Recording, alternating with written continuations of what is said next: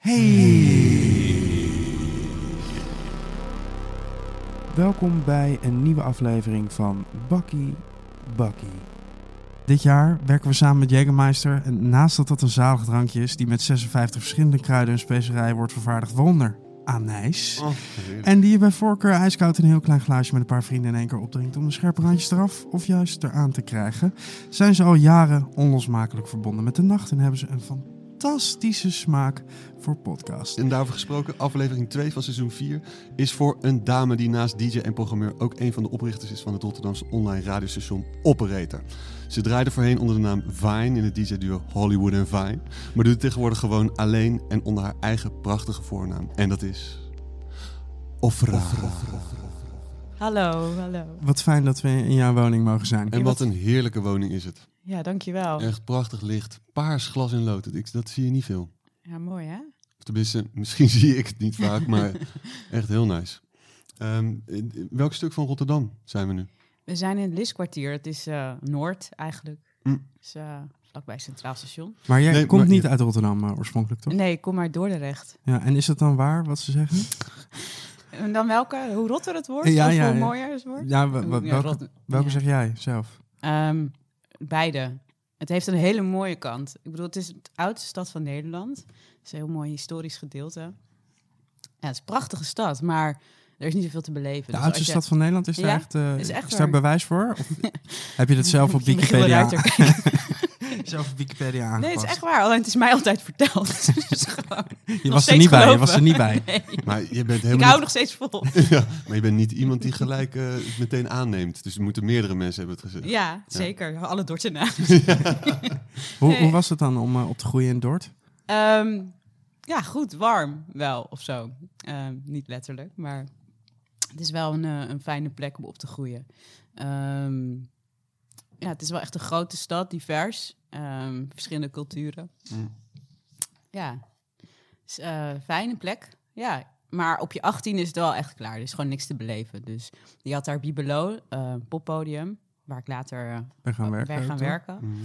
Weer, dus weer terug naar mijn oude plek eigenlijk. Mijn oude stad. Maar ehm, ja, nee, er is verder... in Dordrecht was er gewoon niet zo heel veel. Je had een soort Hollywood... Wat je voor Hollywood in Rotterdam was, had je ook in Dordrecht. En, eh, Hoe heette dat dan?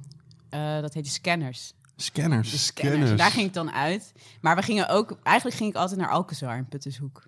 Ah, Puttershoek, is dat Ja. dan dichterbij naar Rotterdam? Ja, ja, dat is dichterbij. Dat is een beetje op Amsterdam. Mhm. Zo zwijnerig dat je... Oh, daar had je ook nog een... eh, Nee, we gingen eerst naar het dorp en toen gingen we naar Rotterdam. Dat was zeg maar de volgende Mm. stap. De Alcazar? De Alcazar, ja. Klink- dat klinkt dan Dat was mijn eerste discotheek. Dat klinkt dan wel weer goed of zo, de ja, Alcazar. dat was, ja, heel fout natuurlijk. Ja. Ja, ja. Nee, dat was tof. Wat voor Toen. muziek werd daar gedraaid? Ja, van alles natuurlijk eclectisch. Ja, ja. Je had natuurlijk de R&B-zaal ja. en de dance-zaal. En waar was jij? Welke zaal? Beide wel, toch wel. Ja. Maar ik ging ook wel, toen ik... nee, daarna ging ik wel meer naar Bibelo, want toen ging ik iets meer... eh, een beetje de alternatieve muziek op. En heel veel naar bandjes luisteren. En toen eh, ging ik toch veel meer naar, naar poppodia dan naar discotheek. En ben je muzikaal eh, opgevoed? Stond er, stonden er bepaalde dingen aan die je mee hebt genomen de rest van je leven? Ja, Vroeger? Ehm, nou, mijn moeder komt uit Israël. Dus er stond heel veel Israëlische muziek op. Wel oude Israëlische volk waar ik echt mee op ben gevoed. Op ben, mee ben opgegroeid. Ehm Arik Einstein of Ragaza, waar ik naar vernoemd ben. Israëlische zang. En zij heeft ook een hit gemaakt in de jaren tachtig. Ja. In Ninalu. Ehm fantastisch nummer overigens. Eh, ik draai hem nog steeds. ja, die heb je hem ook met, met eh, toen je die radioshow met Afra Ja, had bij Operator. heel goed. Toen draaide ja, je ja, hem, ja, ja. zeker. Ja.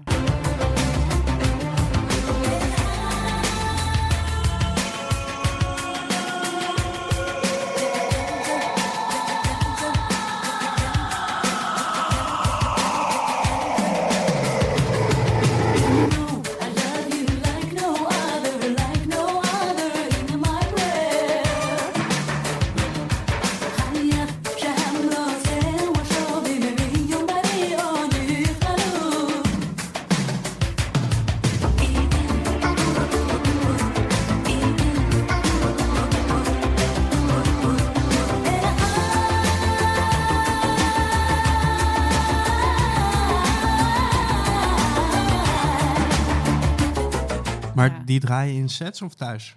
Eh, allebei eigenlijk. Als de hele wekker, naar als slaapliedje. Altijd opera. ja, zo'n klein spiekertje om je, om je katse nek. De hele tijd. Ja. Nee. Nee. Nee. Maar ehm, eh, nee, dat, en ook wel, eh, ja, mijn vader die luisterde naar Crosby, Stills, Nash Young, een beetje die tijd. Mijn vader komt uit 1952, dus een beetje die jaren 60, Hm. eh, 70 muziek. En uiteindelijk ook wel... Is je vader wel eh, in Nederland geboren? Ja, ja, mijn vader is Nederlands. Waar hebben ze elkaar ontmoet? Eh, op een feestje in Nederland, toen mijn moeder een, eh, een, een Nederlandse vriendin ging, op, ging opzoeken. Ah, Want het, eind jaren 80, of, oh, nee, dat is niet waar. Eind jaren 70 was het heel populair om voor Nederlanders naar de kibbutz te gaan. Dat ik weet Ja. niet, kibbutz. ja, leg, leg Ja, leg je dat uit? De kibbutz was eigenlijk een plek om de grenzen te bewaken. Het is eigenlijk een soort aan- ja, socialisten die daar. eh, Mhm. ik noem het als kind. Ja, heel naïef. Noem het altijd centerparks, alleen wonen er mensen. ja, zwembad. Ce- Centerparks voor mensen? Ouders, Kibbutz. Nou. Centerparks voor mensen. mensen die er echt wonen. Ja, ja, Het is ja. altijd, nou, dit, nou, een het is centerparks. Het Lijkt zwembad. zalig Je om op eh, Centerparks te Dat wonen. is toch te gek? Toch? Ja, dat is was voor mij een kibbutz toen ik eh, zes was. Maar goed, ehm, zijn iets van ze- 80, 90 kibbutz in Israël. En eh, ehm, mijn moeder komt daar vandaan uit de kibbutz, vlakbij Haifa, dat is in het noorden. En ehm, ehm, toen was het in de eind jaren 70 populair dat de Nederlanders dan in de kibbutz gingen werken. En eh, toen ontmoette mijn moeder een aantal eh, vrouwen daar. En dat werden vriendinnen. En, eh, en mijn moeder woonde daar dus. En toen, eh, eind jaren 70 is mijn moeder hen gaan opzoeken. En nooit meer teruggegaan. En nou jawel, maar toen was daar mijn vader op een feest met mijn vader. Die had eigenlijk andere plannen en mijn moeder ook. Dus ze hebben elkaar toen een jaar niet gezien. Mijn vader ging op wereldreis. En ehm, nou, ze hebben uiteindelijk hadden ze andere relaties. Maar toen kwam mijn vader terug. En toen eh, moest hij nog steeds aan mijn moeder denken. En toen, eh, ze schreven wel naar elkaar. En toen, eh, want ik had een hele mooie moeder. En ehm, eh, hij, hij is toen naar haar gaan ophalen eigenlijk in Israël. Zo van, nou, ik voel nog steeds wat voor jou. En ik wil... En toen werd ze zwanger van mijn broer, heel snel. En toen, ja, het was 1979, 1980. En toen ehm, is ze naar Nederland geëmigreerd eigenlijk. Het was, ging allemaal heel snel. Ehm, omdat ze zwanger was. En, eh, nou ja. en toen zijn ze twaalf en een half jaar later gescheiden. Maar ehm, het was wel eh, een warm huwelijk of zo. Maar meer... Ik denk dat mijn moeder zei altijd tegen mij dat ze uit elkaar zijn gegaan... omdat ze meer goede vrienden waren. En alles zo snel moest gaan. Mm, toen Omdat ze niet wilden zeggen dat het jouw schuld was. Precies, dat. ja, precies. Hey, maar ja, impliciet zei ze eigenlijk, allemaal jouw schuld. ja. Toen jij kwam, toen Oh. ging was het mis. klaar, ja. Toen was het klaar. En, en het was best wel een hip of tof voor, Nederlandse mensen om naar een kibbutz te gaan. Hoe speciaal was het voor een meisje eind jaren 70 om naar Nederland toe te gaan? Ja, mijn moeder zei dat, ze dat ze heel erg aan moest wennen dat de koekjestrommel rondging. In plaats van dat het gewoon allemaal op tafel stond of zo. Ah, ah. Dat heeft ze altijd gezegd, dat in Nederlandse... Ja, en dat het allemaal wat minder is of zo dan alleen maar eten de hele dag. En dat, ja, en dat, eh, dat ik bij een vriendinnetje ging eten. Dat weet ik nog heel goed, een grappige anekdote.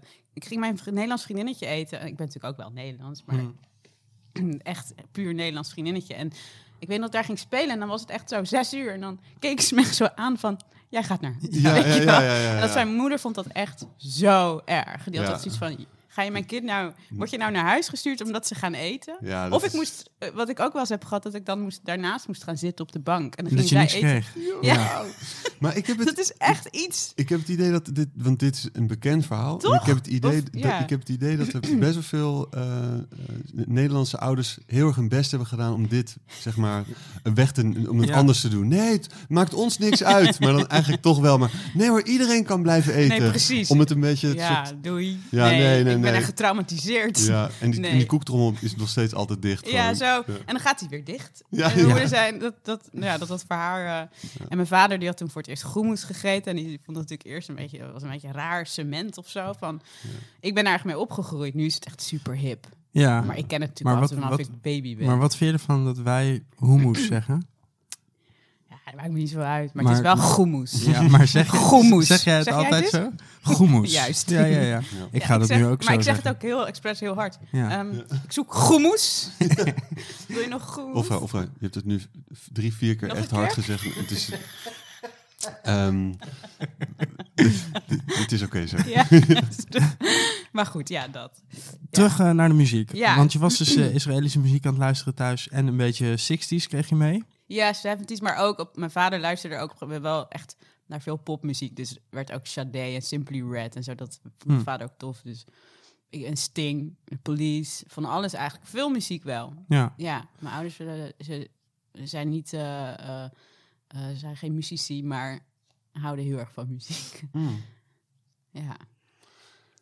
En toen je ehm, naar de Bibelo ging en de... eh, Alcazar. Alcazar, dankjewel. Was je, was je toen al een klein beetje bezig met... eh heden is daar een DJ, dit is een club, eh, zo werkt dit. eh, Ja. ja, toen al niet echt gewoon echt een leuke bezoeker, maar gewoon al... ja, nee, ja. Ik, ja, sowieso een leuke bezoeker, denk ik. Ja, nee, maar ik bedoel- Maar ik snap wat je bedoelt. Ik was Ja. al bezig met hoe dat... eh, ja, nee, ik vond het... eh, ik was wel altijd...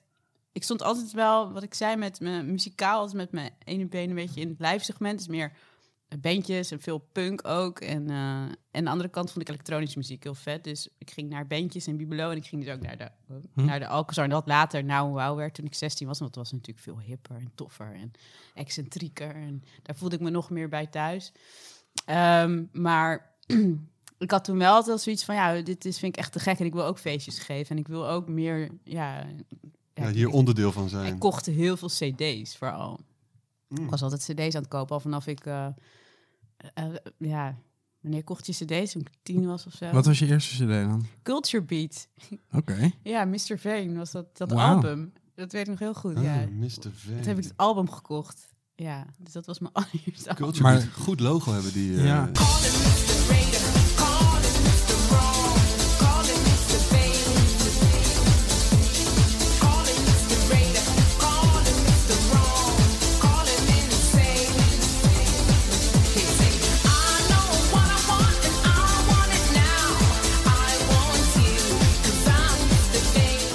Had Marco Borsato en Kane, dus je was wel Ja? een stuk verder dan ik in ieder Yes. geval. eh.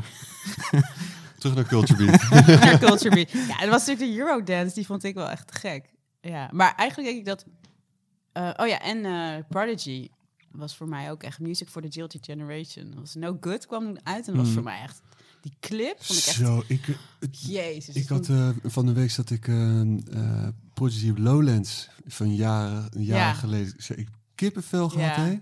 Wauw, besefte ik me echt eh, hoe ver weg het is en, en hoe sick die act ook is. Ja, te gek. Ja. Ja, ik denk dat dat voor mij wel dat ik, ik. Wij waren toen op vakantie in Israël. Ik kan me heel goed herinneren. En dat we naar eh, dat No Good op, de, op MTV kwam. Ja, En dan echt die een zwart-wit ondergrond. En dat Kiet zo daar helemaal gek aan het dansen was. En. Liam en ze liepen daar zo met elkaar zo door die soort van secret rave. Of, eh, en ik was helemaal echt, eh, eh, ja, hoe zeg je dat? Gebiologeerd. Ja, ja. zijn ze nou gestopt eigenlijk? Ja, ja, nee, ik was op zoek naar het woord. Ja, ja. Zijn, zijn ze gestopt nu eigenlijk, of niet? Nou ja, Kiet is dood. Ja, precies, Ja. maar... eh, Rip. Nou, Liam is natuurlijk wel de man achter, eh, de, de man achter Prodigy. Maar ja, nou, officieel gestopt, nee. Maar ze hebben nog niet echt iets recentelijks uitgebracht. Maar En ook niet meer gespeeld. nee, Toch? nee, nee. Maar dat is ook wel, dat is bijna niet te doen, joh, zonder die man, Nee, denk ik. de energie is, het Ja. zou toch anders zijn. ja. Maar ze zouden toch Lowlands spelen, maar Ja, toen ging... toen Ja, ging die, ging Toen die ging dood die en toen hebben ze Ja. die, eh, die tribute gedaan. Ja, nou, het was niet echt een tribute. Toen hebben ze gewoon de staat geboekt. En die hebben Oh, uiteindelijk die wel hebben- oh tune eh, gespeeld. Oh, zo. ja, Ja. dat ja, is toch het anders. is bizar. Ja, ik was, ik was het wel weer even, even kwijt of zo, de Prodigy.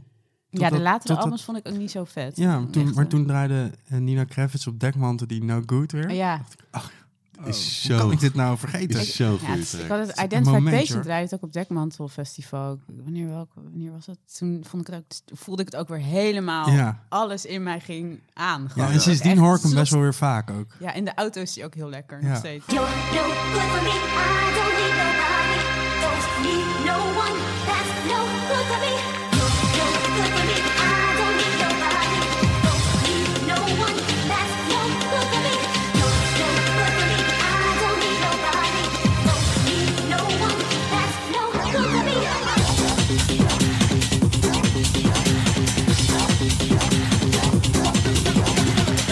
Heb je al je cd's nog? Ja, Ja? ja, zeker. Ik heb, eh, ik heb er laatst heb ik een nieuwe CD-rek gekocht. Daar staat die. Ehm, heb ik opgehaald Oh, ja. in Den Haag, overigens. Een, gla Tweedehands. een glazen cd Ja, rek maar dat kan je gratis meenemen toch overal? Dat was toch Krijg je 35 cd's erbij? euro. Oh, ja. Ik had ze heel lang ehm, in dozen gezet, omdat ik eigenlijk alleen maar platen koop. Nu. Of al een aantal jaar eigenlijk. En, ehm, maar ik heb ook bij een cd... Ik heb bij Velvet gewerkt vroeger. Ah. Dus toen kocht ik... Of, In nou ja, Dor- Dordrecht? nee, in Rotterdam. Ah. Ja, en ik heb daar... Als dan van mijn uren mocht ik dan eigenlijk... Want ik was er elk weekend om cd's te kopen. En toen kwam ik daar zo vaak dat ze zeiden... hey, wil je niet eh, hier eens gaan Dit werken? hoor je ook zo vaak. Ja, ja, ja. Ik was er gewoon altijd, dat ik Ja. uren... Ja. Ja, gewoon de hele tijd in de weg staan. God geeft dat mensen een baan, joh. Ja, precies. Zo irritant. Ja, Ja, je bent er toch de hele tijd. Ja, kunnen we je net goed precies. betalen. Ja. Ja. een beetje ruimte maken voor, Ja. voor de klanten. Jij maar aan de andere kant van die balie staan. Maar, maar ik heb het idee dat, dus de, dat de CD een revival gaat maken. Goed geluid hoor, ook cd's. Ja, ja maar ja, dat het denk is wel vergankelijker dan al, al, alle andere Ja, media. media. Muziekdragers. Hey, maar wel lekker dat je glazen cd-rek... eh, Ja. het bovenste plankje is helemaal horizontaal... maar het onderste is 45 graden. Dus hij draait mee, zodat het makkelijker is om het eruit te pakken. Precies. Dat is echt eh, zeer knap design. 35 hè? euro, geen geld. Geen geld hè? Nee. Nou, ik moest er echt wel voor onderhandelen. Hoe lang heb jij over deze selectie gedaan? Die je hier zo in het smalle rek hebt staan. Want je zegt, ik heb allemaal dozen. Ja, oh ja. Ja, daar was, was ik wel even een dag mee bezig. Ja, de mooiste er Ja. natuurlijk uitpikken. Showroom. Ja. Nou, we gaan straks even rustig er helemaal doorheen Ja, bladeren. wat, wat, wat, eh, als, je er, als je er even een paar noemt, wat, wat staat er in het rekkie? Ehm, Blur. Ah, Maar ook ehm, nou, natuurlijk de Prodigy, de Smiths. ehm, maar ook dingen als eh The Knife. Oh ja. Ehm, Carly Simon. Echt van alles. Echt, eh, ja, dat, is dat blijft zo lekker aan cd's. Gewoon Ja. fysieke werelden die naast elkaar, Ja. ja. strak naast elkaar staan. Ja, echt van alles. DJ Ofra. Ja. Gek op alternatieve CD-muziek. ja. Scratchen met cd's. Maar ik had op een gegeven moment ook iets van, ik wil ze nu dan ook op vinyl. Maar toen dacht ik, het hoeft eigenlijk niet. Dus ik doe gewoon Ja. het rek open. Ja. En dan pak ik de cd's weer terug. Alleen ik kan ze niet echt eh, afspelen. Althans. Wat je, je hebt geen CD-speler. Zo. Knip, knip. Wel een CD-rek, maar geen CD-speler. Jawel, ik heb een cd. Ik heb een cd-rom in mijn eh, laptop. Oké, wel, wel. Ja, Oké, ja, oké, ja, oké. Nee, zeg dat maar niet. Nee, nee. Mag die eruit? Nee, er kan niks uit. is echt heel niet. We lelijk. kunnen niet knippen. Even naar de Velvet. Ja. Want dat was een beetje wel je, je gate naar eh, Ja, alles wat je nu doet, toch? Want Ja, hoe, zeker. Hoe, hoe oud was je toen je in Rotterdam kwam? Ehm, 18, 19 geloof ik. Ja, echt zo- zodra het kon. Ja, ik, ja, ik was... eh Oh, Joe wilde springen. Ehm, ik, ik wilde eigenlijk altijd actrice worden of danseres. En ik heb ook wel eh theaterdansvooropleiding gedaan. En toen wilde ik eigenlijk daarna naar de Kleinkunstacademie. Mm. Ehm, toen ben ik afgewezen. Derde ronde, allerlaatste ronde, Amsterdam. Ehm, Terwijl je wel klein bent. zo scherp. Ja. En, en eh, heel kunstzinnig. ja. Ik, ik dacht heel- ik dacht heel snel dat je ging zeggen, en knap. Kut. Kleinkut academie. Terwijl, terwijl ik ook Kleine kut ook. Klein kut. een kleinkut. Hoe groot is dat ding van jou? nou, ik weet niet, heb je wel zo'n worst op de gang gegooid? Ja, ja. Nou, ik wilde dus naar, de, naar het toneel. Of, nou, ik heb in Maastricht, Arnhem en Amsterdam auditie gedaan. Zo hardcore, hè? Die, die, eh, Zo, ik ik, was had een ex-vriendinnetje die dit ook Ja. chased. En die had al in een, in een film gespeeld, in een bioscoopfilm. Ja. En die werd, eh, die werd gewoon niet aangenomen op al die opleidingen. Ja, dus ja, dat, dat, ja, dat is ook kut. Ja. Ja, nee, het was wel heel heftig, weet ik nog. En ik was de hele week bezig. En in Maastricht was ik tweede ronde bezig. En toen Amsterdam zat ik... Een tweede ronde waren twee weekenden. En toen moest ik door de week ook tweede ronde Arnhem, weet ik nog. Dat was dan door de week. En toen sliep ik in Maastricht op een woonboot. Toen moest ik weer terug. Of op een, ja, een woonboot was het, ja.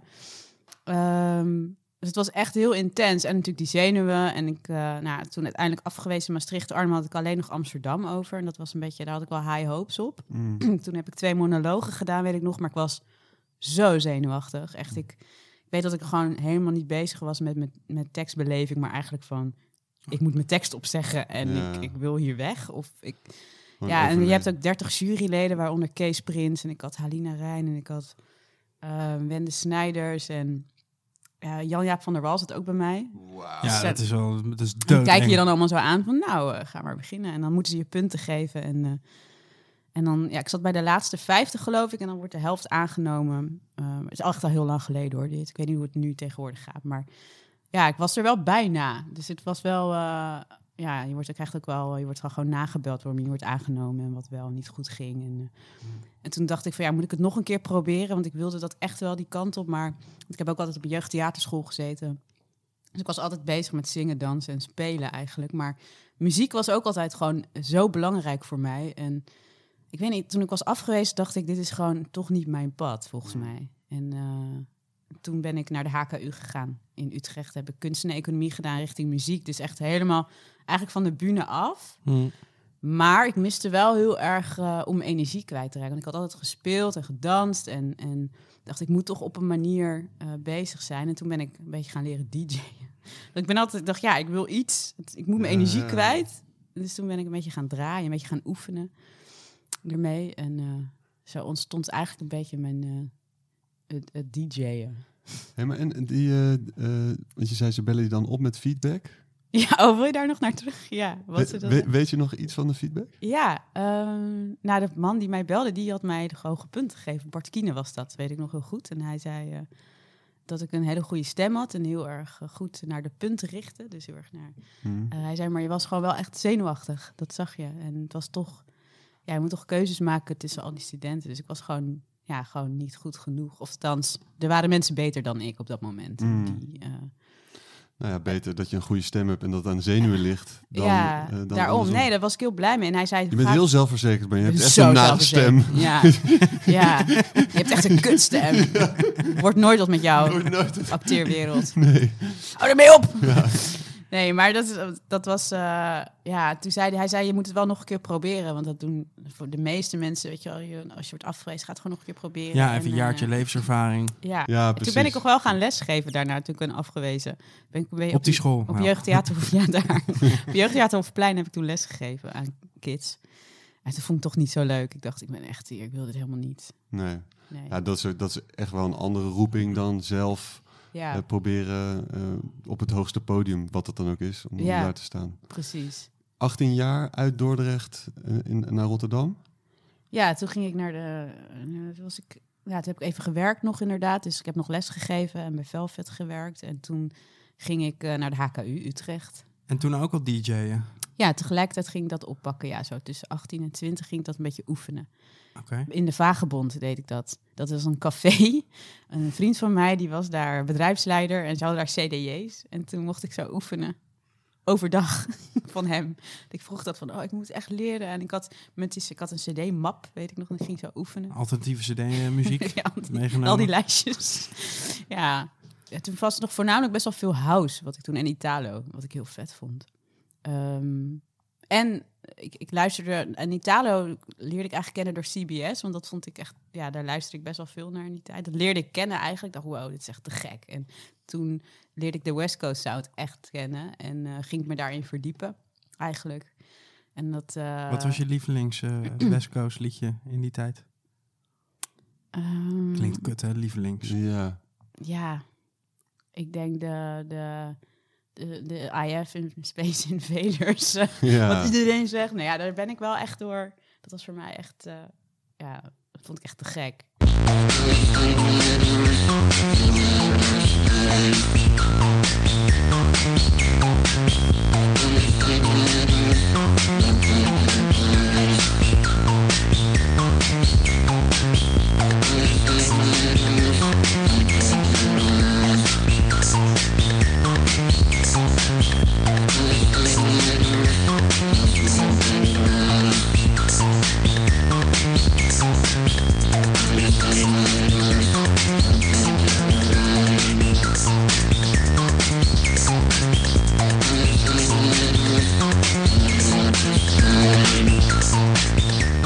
Lego heeft natuurlijk ook superveel goede tracks gemaakt. Voor de mensen die niet weten wat de West Coast Sound is. Ja, de Haagse toch wel. Mm. Je hebt, ook gewoon, hebt gewoon labels met de. Heek hè, in het buitenland. Ja, dus gewoon, dan heb je Lego Welt, IF en Ork Elektroniek. Ja, Brian. Ja, eh, ja, dat, die leerde, ja, een beetje die kant leerde ik kennen. Maar dat was natuurlijk best wel obscuur. En ik ging naar Now Wow. En dat was ook een beetje... ehm, dat was veel meer housey, denk ik toch wel. En Ted Langebach en eh, Mhm. een beetje de Now Wow House. Maar ik voelde wel veel meer voor die meer nog obscuurdere eh, sound. Dus daar ging ik veel meer in duiken.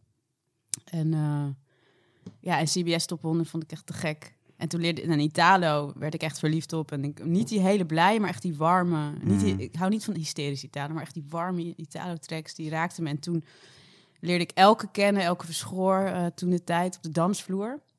En eh, toen draaide ik alleen onder DJ 155, was mijn DJ-naam. Ik wilde net al eerder vragen, wauw.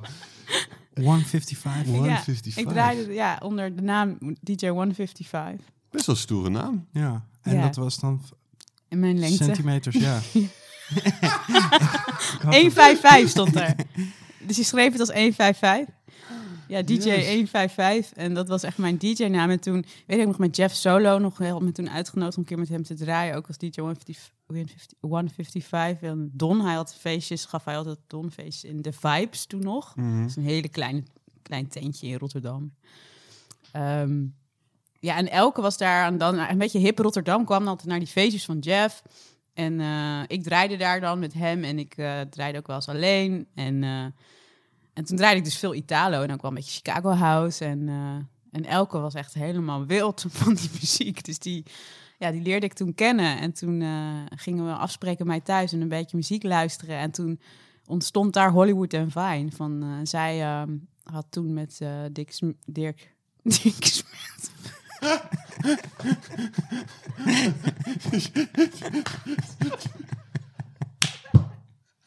Dick Smith. Dirk Smit, Ja, Oh, Pop on Acid. Pop on Pop on Dirk. Acid, ja. Sorry, Shout Dirk. out. I- Ibiza. Shout out Dirkie. Ja, dus zij, eh, ja, Elke die draaide toen ook al een beetje. En ze was zat wel in, ze danste bij Now Wow en een beetje in de scene. En ja, we hadden zoiets van, laten we dit samen doen. Of laten we iets proberen. En toen zijn we samen gaan draaien. Want eh, we hadden echt exact dezelfde smaak. Ik was iets meer electro, zelfs een beetje wavy. Dat is een beetje mijn oude punk. ehm, ja, de liefde voor punk en shoegaze die ik een beetje zo meenam. Hmm. En elke was meer house. Ehm, en dat ging best wel goed samen of zo op een of andere manier. En eh, toen hebben we dat zes jaar gedaan. Best wel succesvol geweest. En, en wat, wat voor periode was het eigenlijk in Rotterdam? Voor je gevoel? Ja, was veel. Ja, Rotterdam is natuurlijk altijd een beetje. Het gaat echt in fases. Ehm, Ja, dat maar dat was, ja, Dat bedoel het ik was ook. een goede, goede Ja, fase. Ja, Een hele was- goede fase. Ja. Want je had Bar natuurlijk en ehm Bron en ehm ehm de, on- Toffler. de Toffler, dankjewel. ja, maar de hele Witte de Wit was ook te gek. Van gewoon. alles. Alles ja, daar... en heel erg ad hoc. Er werden gewoon overal een beetje dingen georganiseerd. Dus dat was heel vet. Eh, gewoon verschillende feestjes die in galeries werden georganiseerd. Of in de Schouwburg. Of er was gewoon wel heel veel organisaties die toffe dingen deden. Ehm, ja, en daar en, en toen raakten we ook, eh, kwamen we een beetje in Den Haag. En hebben we veel in de Pip gedraaid en in Amsterdam. Ehm, ja, het was echt wel tof. We werden gewoon steeds meer eh, uitgenodigd door DJ's ook om, om met hen te draaien. En dat was echt wel, eh, ja, op een gegeven moment draaiden we echt twee, drie keer per week. Dus het was wel een goede tijd, denk ik. Het was 2012, 13 zo, Mhm. denk ik. Ja. Je Ik heb zei- jou ook nog een keer op de parade zien draaien. Zo begon Ja, Ja, zag ik jou voor het Ja. allereerst. Club Tropicana. ik 17 keer Club Tropicana Dat is aangevraagd. echt de he daar ken ik jou van. Ja. Gewoon Ja. just in de Club Tropicana, ja. Ik zag hem al binnenkomen, hoor. ja. Ik oh, daar gaan we. ja.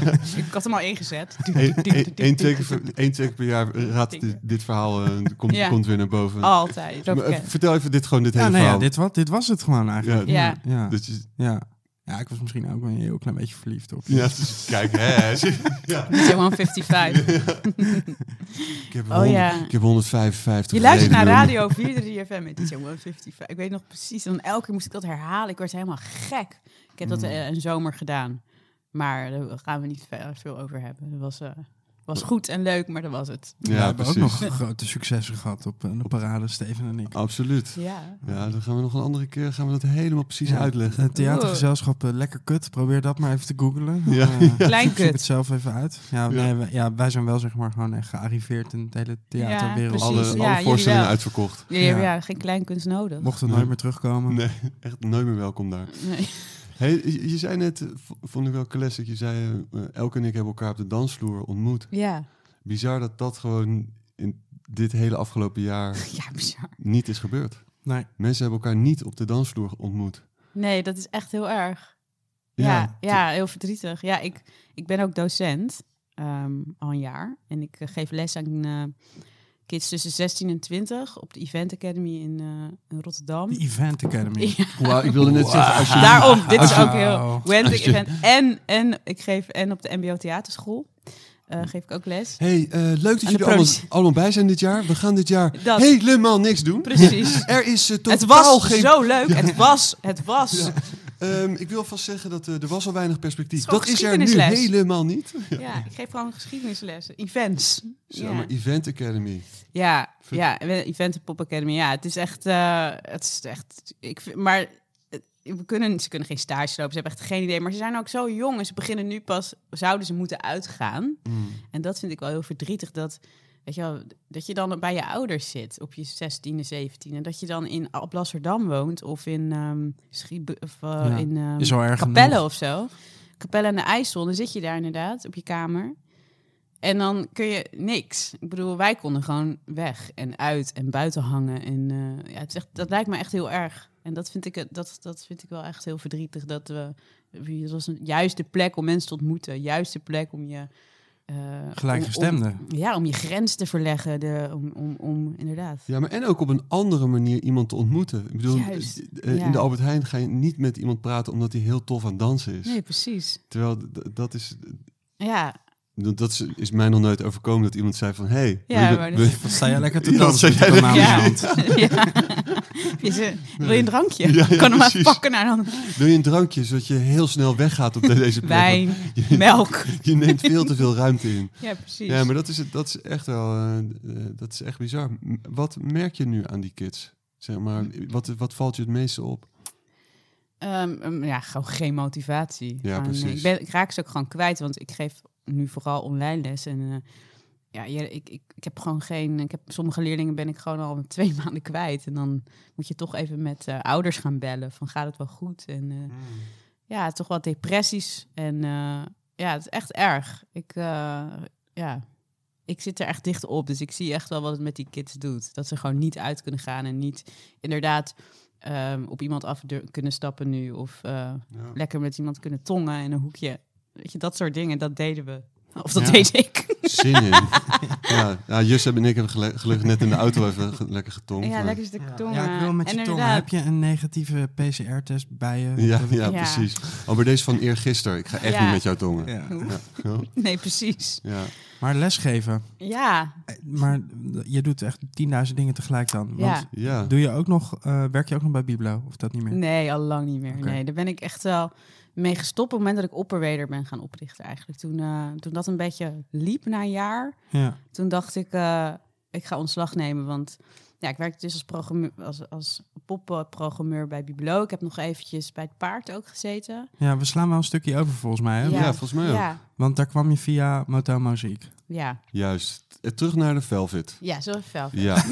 Toch? Velvet. 18, Velvet. Ja. Eh, je stond daar de hele tijd heel irritant, eindeloos met je vettige vingertjes aan die... eh, Ja, toen zei ze, kom hier maar werken.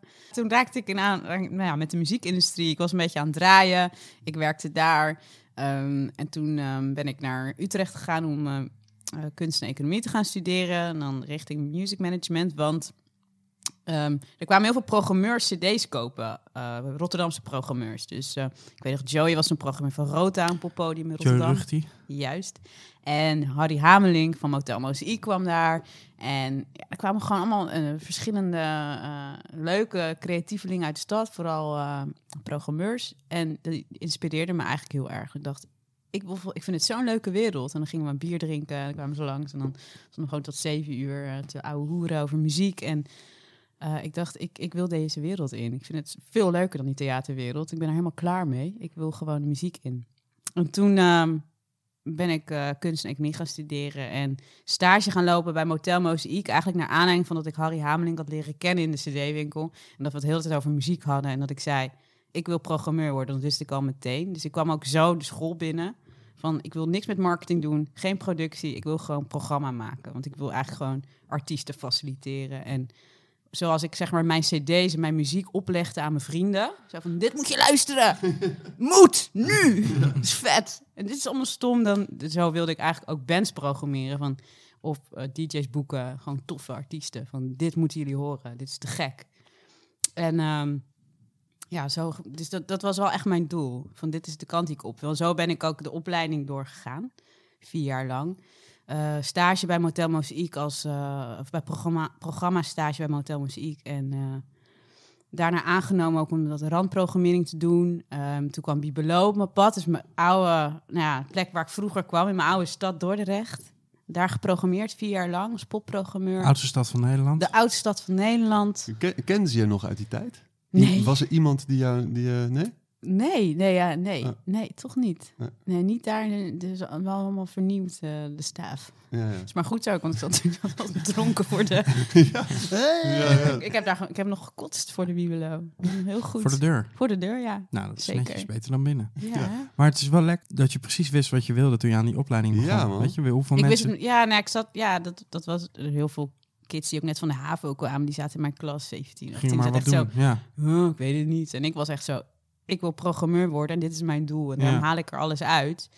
En eh, ik heb vooral gedacht, ik moet met stages vooral dicht bij het vuur gaan zitten. Dus ik dacht, ik ga alleen maar stages dingen doen waarbij ik gewoon daar, Ja. je, daarbij dichtbij kom. En ik dacht ook aan labels, eh, een beetje de ENR-kant. Maar ik wist wel gewoon, ik wil eh, vooral met programma bezighouden en nieuw talent ehm, ontdekken en ja, faciliteren. Dus eigenlijk wel meer een curatorenrol hebben.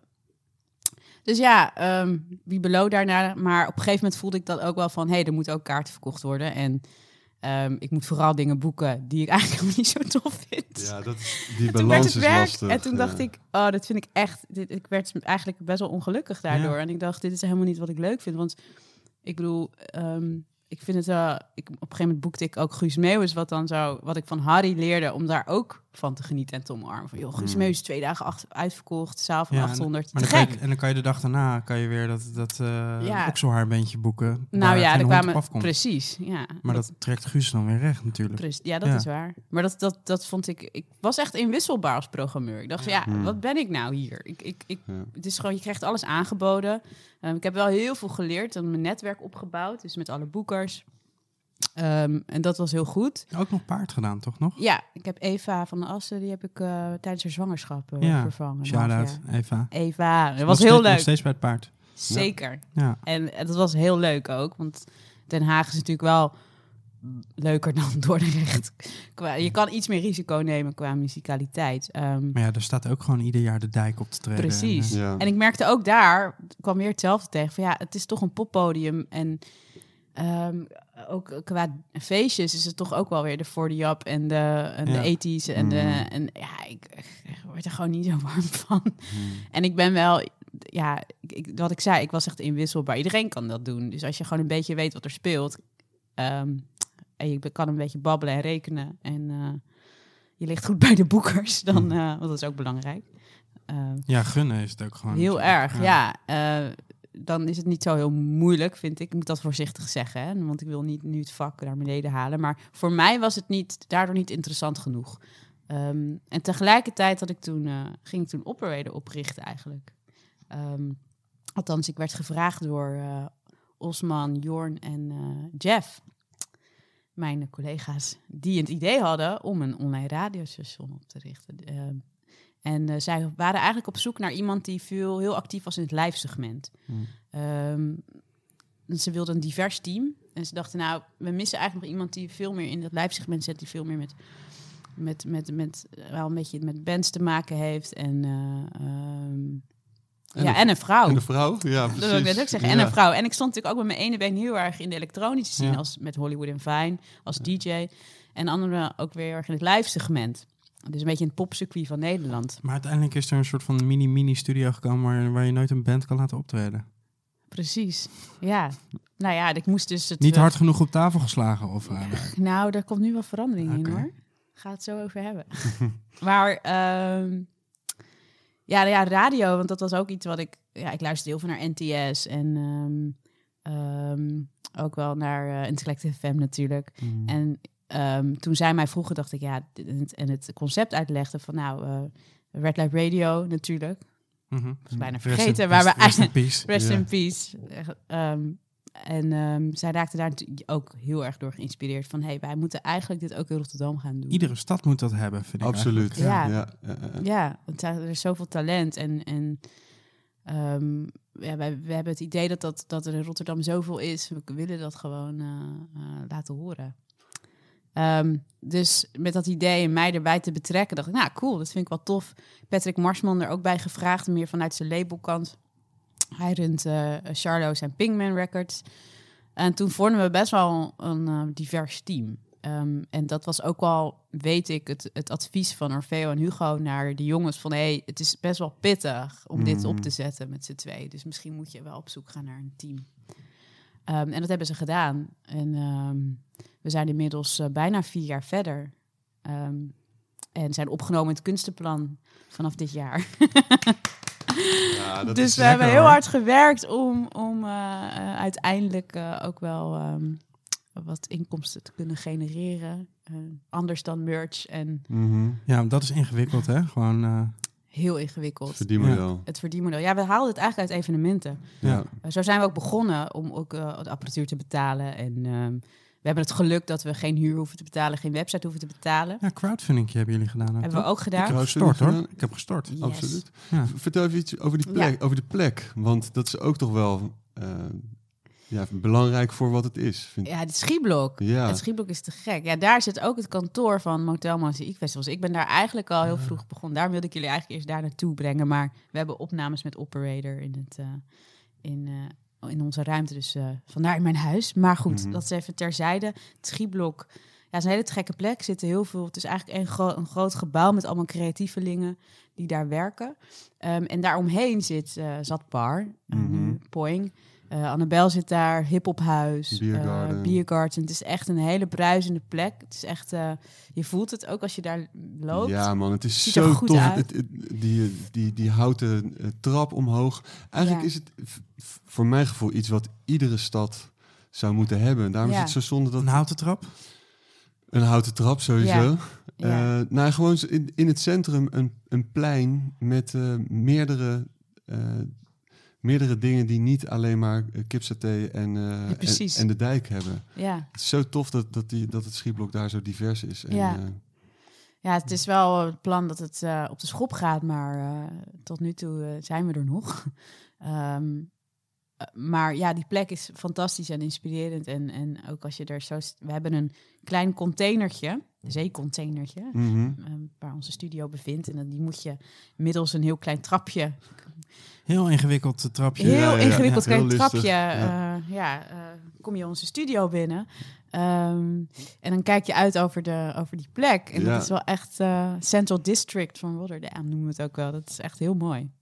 En als havenstad een radiostation in een container, dat Ja, klopt toch. natuurlijk. eh, dat moet gewoon in ja. een zeecontainer. ja.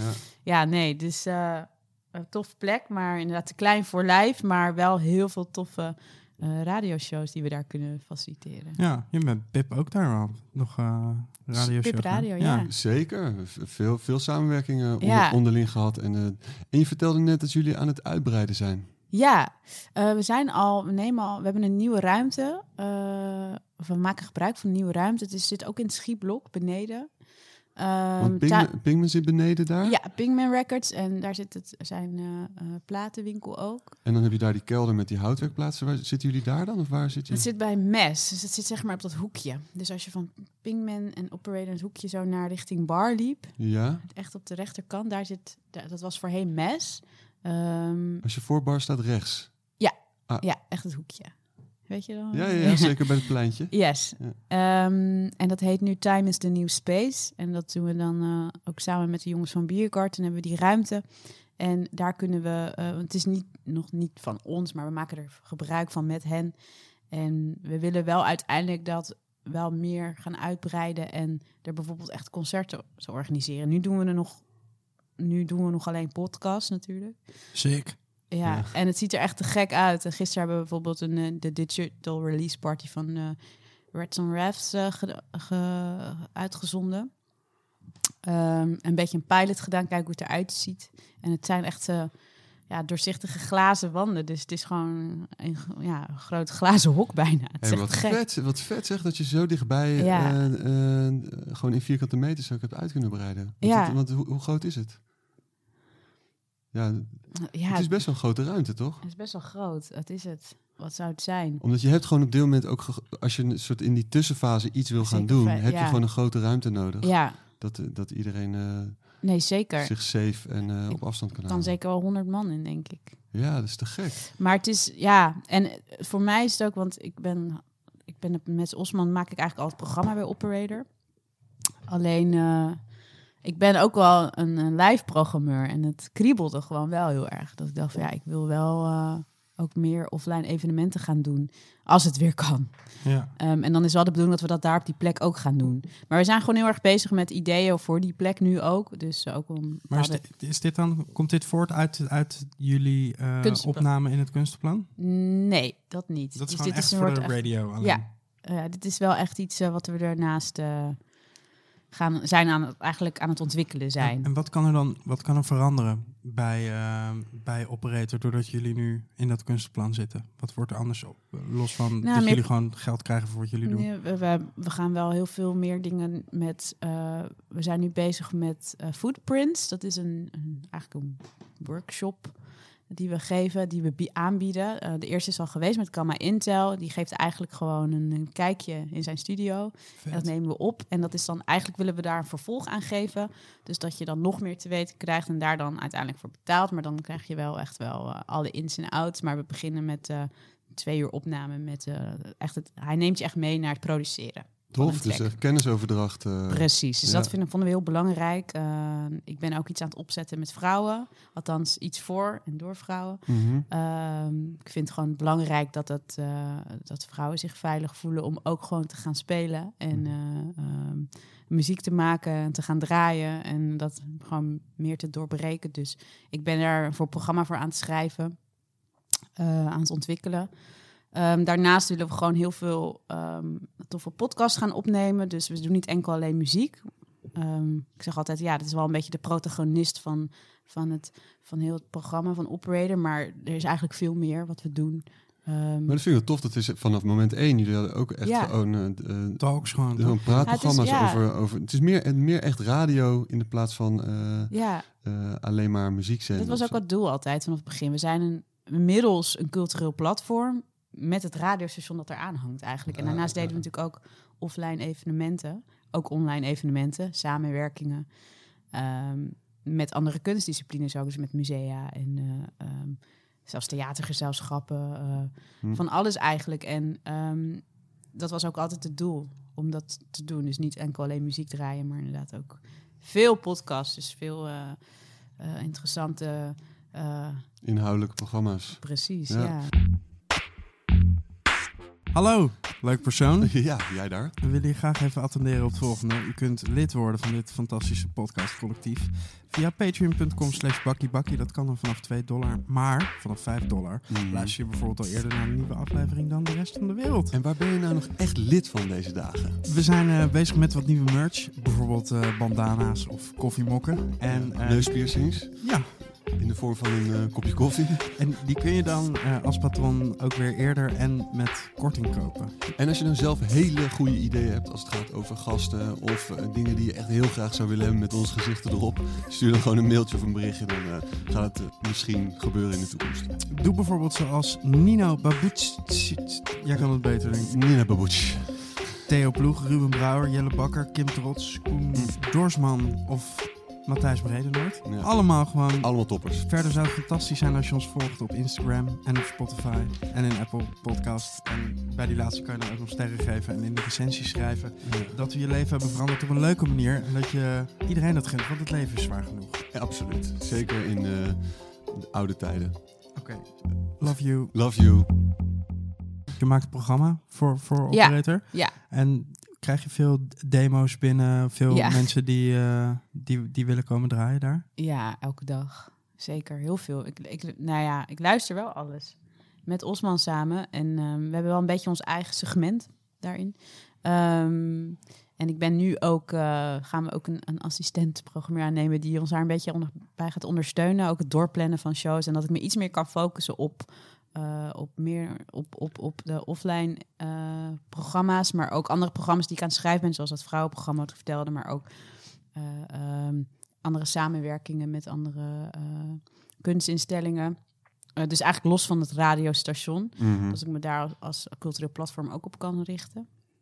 Ehm, maar we krijgen veel binnen. En ehm, ja, ik probeer alles te luisteren en te beoordelen. En eigenlijk, ik heb weinig eh, nee ge- gezegd eigenlijk. Dus het, mensen hebben wel een idee wat operator is Ja. en, en eh, waar we voor staan. Dat is altijd best wel moeilijk. Van de vraag, wanneer mag je wel of niet bij operator draaien? Ik denk, ik kop hem alvast in. Ja, ja, ja. Want dat gesprek, die vraag krijg ik altijd. Ja, dat is heel lastig, want het is een soort gevoel. Of zo. Je Mhm. kan, het is underground muziek, of het is, we zijn gericht op de underground scene. Ja. We, zijn- we maken geen commerciële radio. Ehm, het moet prikkelen. Ehm, eh, ja, Stu- Stuur je mensen vaak weg met een, met een soort opdracht van denk hier aan of, eh, en, en kom dan later weer terug? ja, nou ja, ik zeg Ja. altijd voel vrij om altijd dingen te sturen. En ik, als het niet bij ons past, dan zeg ik gewoon eerlijk, het, het is niet helemaal Nu operator. we willen nu al een e-mailadres hebben, gewoon offer uit operator. of uit operatorradio.com. Ja, top. ja. Ja, ja.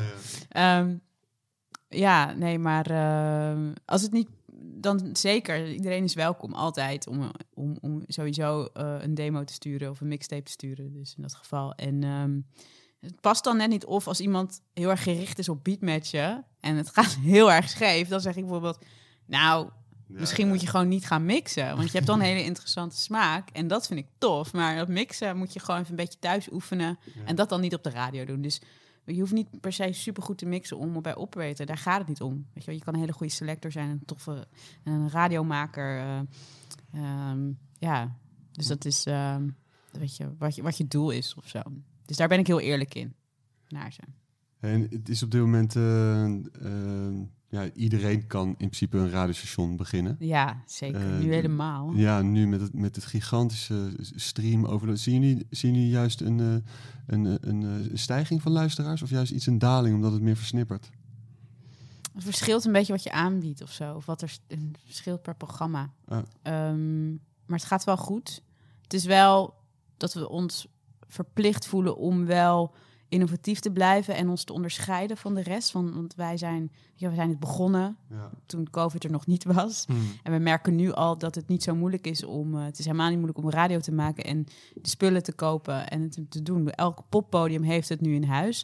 In het begin werden wij best wel ook ingehuurd voor dit soort dingen. Dus het Mhm. was ook wel ook een kleine inkomstenbron, omdat we de, equipment in huis hebben, de kennis, de ervaring om ermee te werken. En, En een toffe dat- partner ook met, met, Ja. met bereik. Maar ze gaan het nu wel veel meer zelf doen. Ja. Eh, hoewel we nog wel een goed, goede partner zijn, inderdaad, met betrekking tot bereik en doelgroep.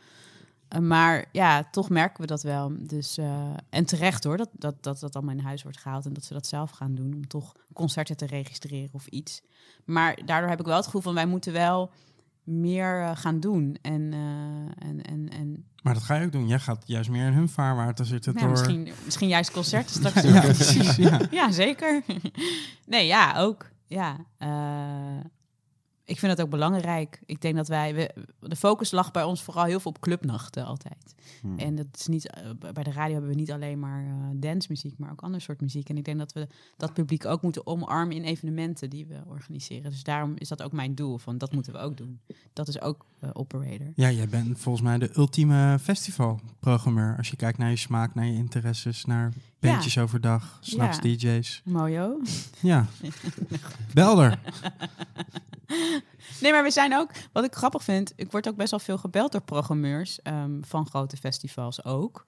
Ook kleinere, want we zijn ook een soort keurmerk geworden. Want ik hoor, ik, ik zit heel dicht bij al die, al die nieuwe talenten en eh, die bij al die radiostations beginnen eigenlijk. Of, Mm. eh, en dat is te gek dat je dat, dat mag zijn. En, en dat eh, een programmeur of promotor ons dan bellen van, hé, hey, wat we, we zoeken DJ's, eh, vertel eens, wat is er allemaal? En dat, dat kan ik dan doorgeven.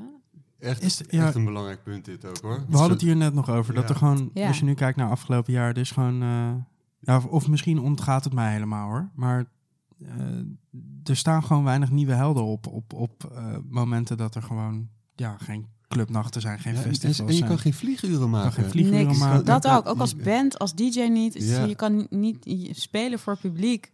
Nee, Is super belangrijk. Ik Ja, vraag dat me ook is- zo Dat af... is Dat is het. ja. kankerdom. En ik hoor, ik hoor mezelf bevestigen, ja, dat, daar gaat het dus echt. Hé, maar wacht even, wacht even. Echt super Het is echt heel belangrijk. belangrijk om... eh, Blijf zo- vooral jezelf. Ja. Altijd jezelf blijven. Wat wil je met het publiek meegeven? Dat is zo kut. Authenticiteit. Wat, ook, wat het ook is, met, Ja. als je nu... Stel, je bent een, je bent een DJ en je hebt nu eh, een, eh, een hele grote pauze gehad. Hoe ga je dat dan straks weer... Ga je dan straks, als dit hele verhaal voorbij is, ga je dan gewoon weer verder waar je bent gebleven? Of heb je de afgelopen, afgelopen jaar je hele muziekbibliotheek de deur uitgedaan en heb je jezelf helemaal opnieuw uitgevonden? Het lijkt me ingewikkeld hoor. Ja, Ja, volgens mij worden de kaarten in ieder geval wel geschuffeld. En precies deze uiterste, is dat, dat zal... Mm. Ja. Nee, maar daarom zijn wij ook open. Want tijdens, we, hebben echt, we zijn ook even dicht geweest. Zijn eigenlijk eh, tot en met... Wanneer zijn we weer open gegaan? Drie weken geleden pas weer. En we dachten, ja, we moeten gewoon open. We moeten gewoon wel echt die plek bieden. Want er kan gewoon helemaal geen flikker, weet je wel. Nee, en, ju- en juist... En je eh, biedt vertier voor mensen die thuis moeten zitten. Precies. Ja, en juist die Waarom radio... ben je dan dichtgegaan?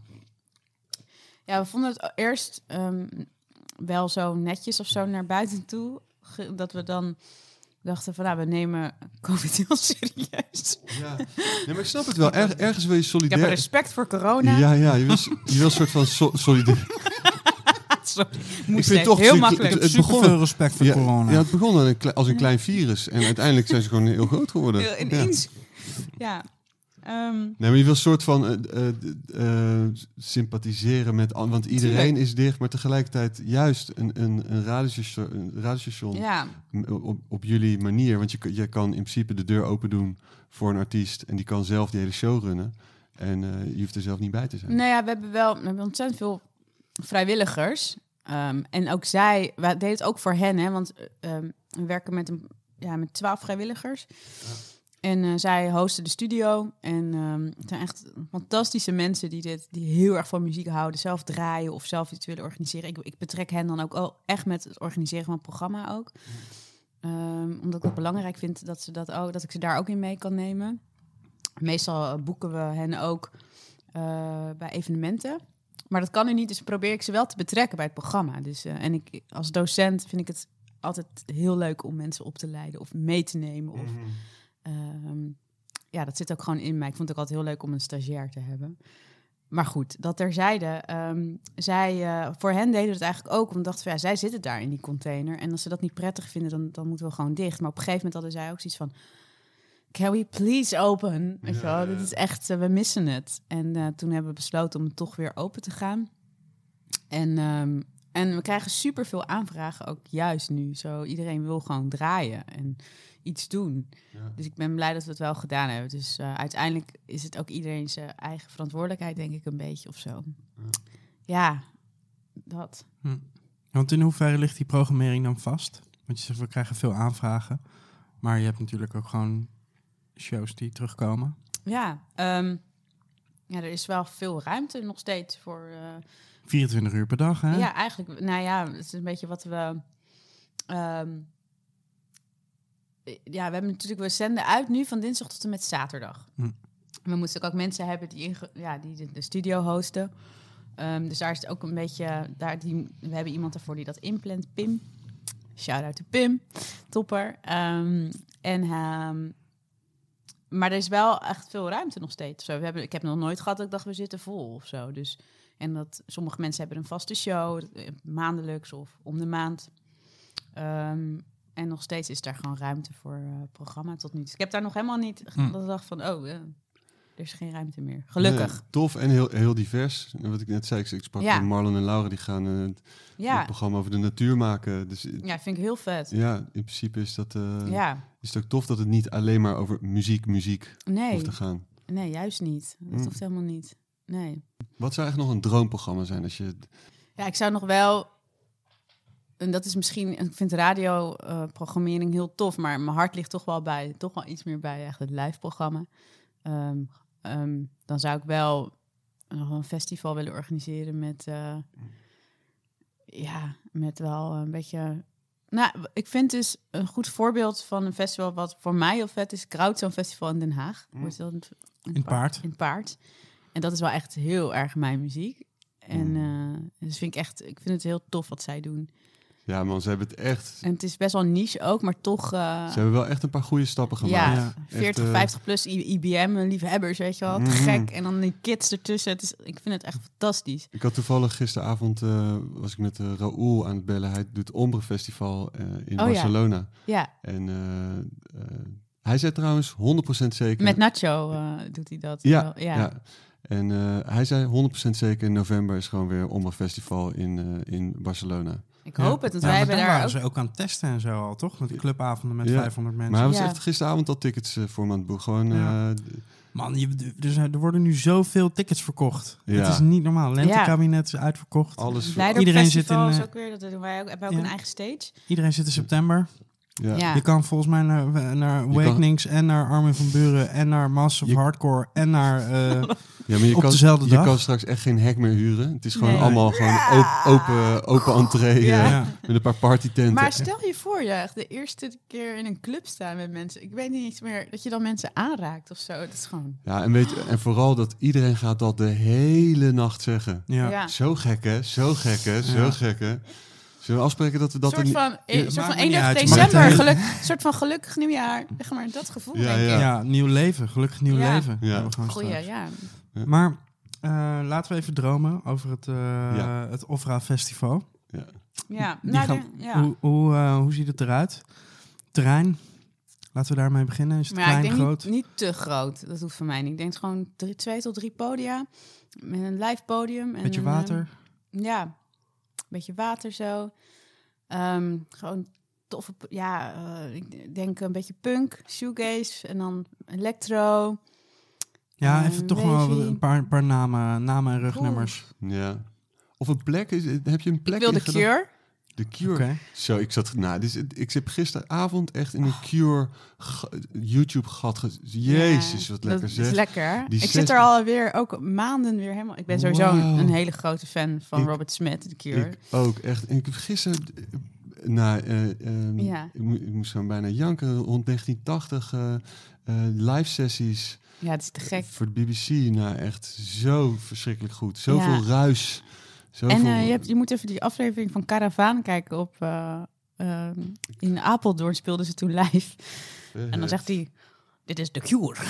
Dit is de Cure. De Cure. ja, de oplossing. De Cure, Sonic Youth. ja, Sonic Youth. Ja. Matthijs van Nieuwkerk. Dames en heren, Sonic Youth. Maar goed, Eh, en de eh, de karavaan, hè? Moet- Ja, dat is echt, om even op YouTube kijken. Zo'n Apeldoorn, live optreden. Dat is echt, dat is nog van een eerste album, 17 Seconds. Te gek. Maar ja, de Cure zou ik heel graag, eh, eh, zou ik dan willen laten spelen. Die Depeche Mode. ik ga wel heel groot. Ja, we gaan. Ja, dat is prima. Wow. Ik kwam er laatst achter dat eh, eh, mijn favoriete clip van eh Depeche Mode is Personal Jesus. Ja, Dat ze met die, die cowboy-achtige ja. sfeer. En toen kwam ik laatst pas achter dat Anton Corbijn die clip heeft gemaakt. meerdere. Mijn lievelings is eh, Behind the Wheel van die Mode. Maar die draai ik ook gewoon tijdens mijn sets. Ook Mm. nog steeds. Ja, die Mode is ook een van mijn favoriete bands. Zo goed, hè? Het is zo goed. Ja. En die Dave Gahan is echt een flamboyante man die heerlijk is om naar te kijken ook. Ja. En eh, ja, dat is echt te gek. Maar ja, dus ik vind het lastig als ik nu een... ehm, ja, als je echt mag dromen, dan staan Ja, er een, natuurlijk de, de slow dive, als we een beetje de shoegaze kant, dat is ook wel waar ik van hou. En, ehm, Maar ja, ehm, maar ook gewoon de, de, de West Coast helden, weet je wel. Ja, Verder. s'nachts dan, hè? S'nachts, dat is. En, eh, Mm. en ik ben heel erg fan van June. Eh, die hadden wij, eh, wij hebben ook met Omra Festival. ehm, ja. Ja, en daarom zei ik het. precies. Ja. Omra en Ofra. Omra en Ofra, Ofra Festival. Gewoon alles om mezelf. ja. Hey, nog even over die naam. ja. Weer terugkomen als DJ 155. ja. Ja, ehm, ja, June die is net ook, ehm, of is die al uitgekomen Artificial Dance van eh Olf in Stellar Funk. Heeft eh, nu een nieuw album uitgebracht. Echt te gek voor de luisteraars. Luister het.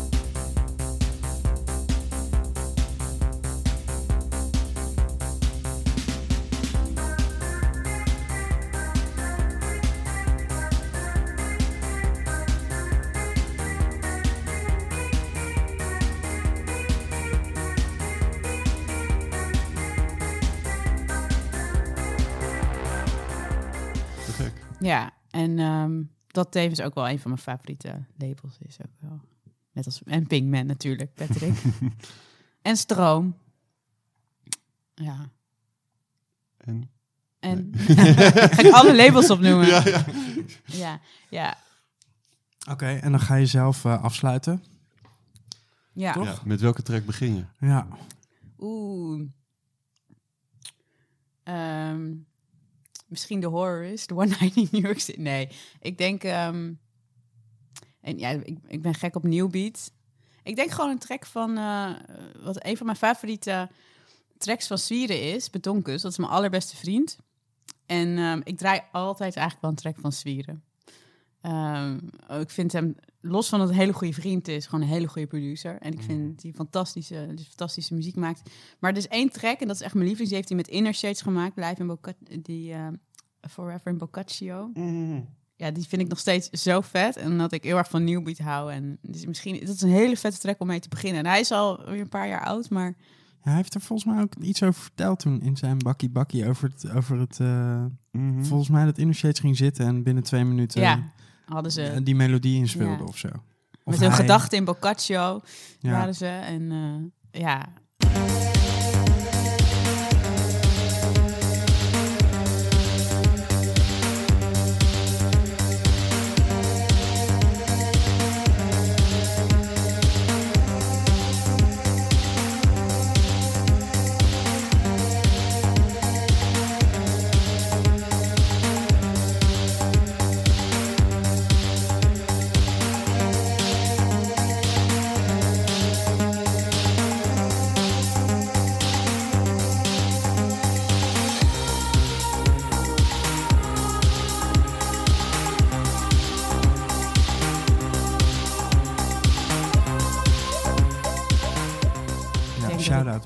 Betonkust. Shout-out. Ja, nee, te gek. Dus eh, een- echt een favoriete nieuwe Newbie track eigenlijk gewoon. Ja, Sad. Groceries vond ik ook. eh, Ja, Ja, Vooral de ja die uitleg. is heel goed. Oh ja. een, zak, een zak chips, een Ja. paar halve liter kattenvoer Ja. en een pakje kauwgom. Sad groceries, ja. En ik dacht dat zo goed. Hij heeft altijd hem kapot geknipt, maar hij knipt ook zeg maar de randjes van een kauwgompakje, knipt hij af. En dan, hij doet zeg maar het sportlijf kartonnetje haalt hij eraf. En dan, sorry zwieren. en dan doet hij dat pakje kauwgom in zijn broekzak en hij heeft altijd, ja, en dan echt zo, heeft hij het zo geknipt. Ja, wat goed. Ja. Ja. Wanneer was de laatste keer dat je hebt gedraaid? Ehm, in Tel Aviv vorig jaar, precies een jaar geleden. Ehm, Dat was op 27 februari. Meen je? Waar? Alfabet? Ja. Sick. Ja, dat was mijn laatste show. En toen weet ik nog dat ik in Tel Aviv dacht... eh, of dat ik op Ben Gurion Airport was... en dat daar al corona een beetje aan de hand was. En dat ik dacht, jezus, een aanstellerij zeg. Hmm. Ik had echt zin om iedereen's gezicht te hoesten. Iedereen die mondkap op had, wilde ik zo... "Ah!" Gewoon, doe normaal. Wat is dit voor gedoe? En Ja. echt letterlijk gewoon twee weken later op mijn verjaardag... 16 maart 2020... Horeca dicht, alles. Alles Dus, eh, dicht. En dat ik daar echt nog dacht van, nou, wat onzin. Maar dat Ik dacht nog een paar weken. Even een paar weken en dan zijn Mm. we er weer, toch? Ja, precies. Ja, dat. Maar ja, dat was mijn laatste keer. En we gingen daarna naar een heel vet... Waar draaide in het, in het kleine zaaltje? Ja, in de Gamma. Ja. Ja. En toen gingen we daarna naar een pak PAG. Dat is echt een te gek queerfeest in Tel Aviv. Mega vet groot. Dat was de, echt mijn laatste feest eigenlijk. Daarna gingen we daar naartoe. En eh, ja, dat, dat, ja, als je nu filmpjes ervan terug ziet, denk ik, hè, dat ziet iedereen op elkaar, Ja, ja. half naakt. Hey, ze hebben in eh, Tel, Aviv toch ook een soort operator eh radiostation? In, Tedder. Ja, nou, ze hebben nu ze hebben Tedder FM. Ehm, dat ze met uh, dat dit al van. Ik ben, ben je wel eens in Tel Aviv geweest? Mhm. Ja. Ehm, Want toen ik er was, dat Be- Beverly, dat platenzaakje nog aan de Ja. overkant. eh, ja, klopt. echt toffe guy ook. Ja. Hmm, Kai, nee. Hmm, Ik Ma- eh, maakt niet kom uit. wel zo op. Ja, Ehm, ja, nee, zeker. En, ehm, Avi. Avi. Geheim.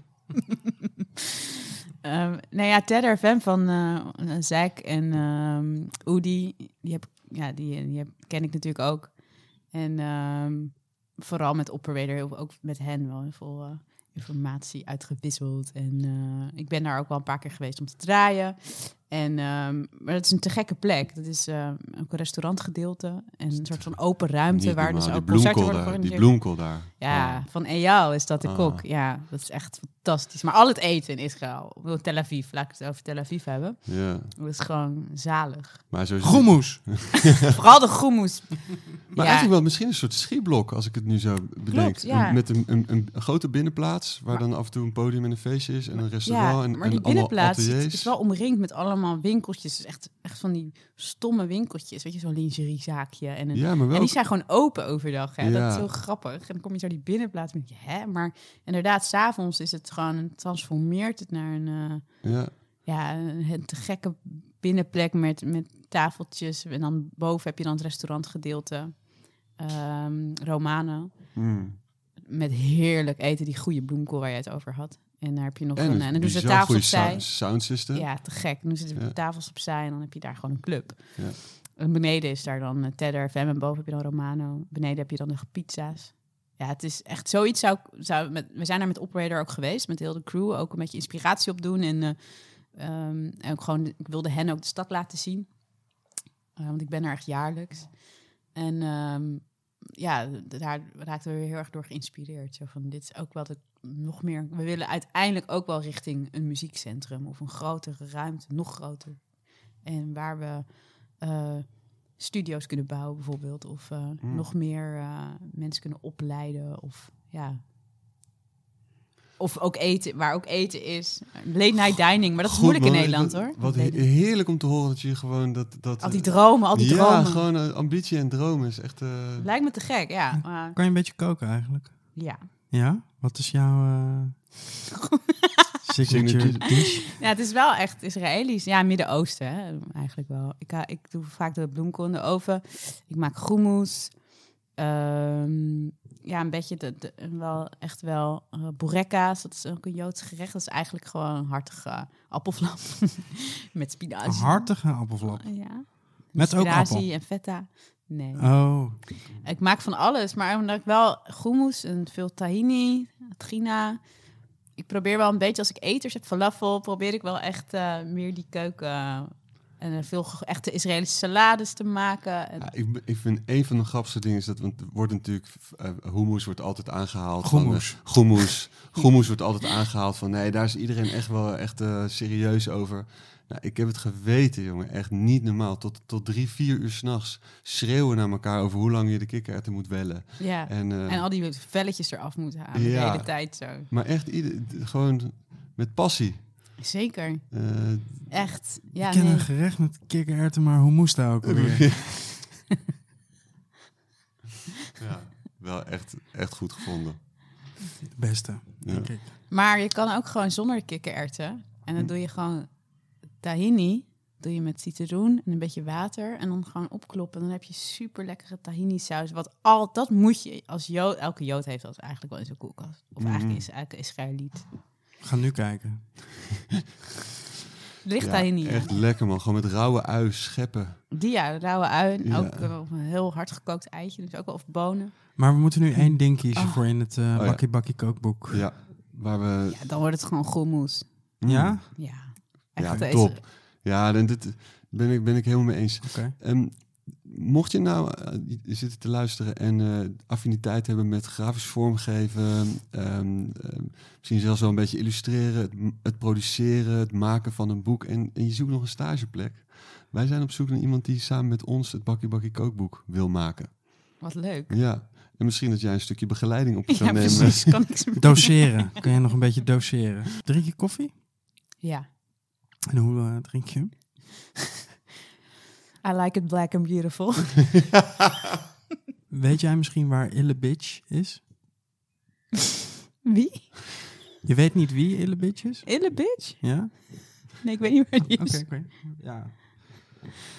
Ja, het, is, het, het was een DJ, maar hij is, hij is kwijt. Is die kwijt? Al, al een hele tijd eigenlijk. Dus ja, ik ga hem nu, ik heb er mijn levenstaak van gemaakt om hem te vinden. En ik, ik vraag het eerst aan jou, ik weet niet. Ik waar- weet niet waar die Je is. hebt net gewoon het, het rijtje kernvragen van, van Jus gehad. Oh, wauw. Signature dish, koffie en, ja, En waar, waar is, Ille Bitch? Is de nieuwe. Wauw.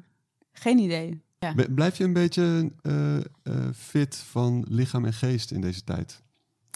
Toch maar even kort, aan, even kort aanraken. ja, nou ja, ik eh, vrij van of- ik graag sport. Nee, maar of, Of- je, of ik, eh, of je, eh, heb je een manier, word je soms af en toe een beetje gek en heb je een manier om eruit te komen? Ehm, ja, ik word zeker af en toe gek. Ja. Ehm, een stukje wandelen met muziek, denk ik. Mm. Ehm, lezen. Wat ben je aan het lezen nu? Ik ben nu eh, van Emily Pine aan het lezen. Ehm, eh, wat ik nog zeggen, wat ik nog wilde zeggen. Notes to Self is eigenlijk de vertaling van Notes to Self. Dat is haar boek. Emily Pine, een feministische vrouw. is te gek aanrader. Ik zit er nog in, maar dat ben ik nu aan het lezen. Ehm, ik heb net de cyclusstrategie uitgelezen. Voor alle vrouwen. Super interessant hoor. De Schindler?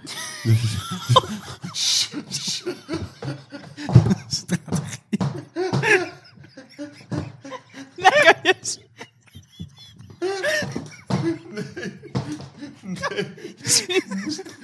Ja, hallo, het is 75 jaar geleden. Zo. Jullie hebben allebei Ik tranen heb in je ogen. in heerlijk. 45 minuten uitgelezen. 40, 45. Long, long read.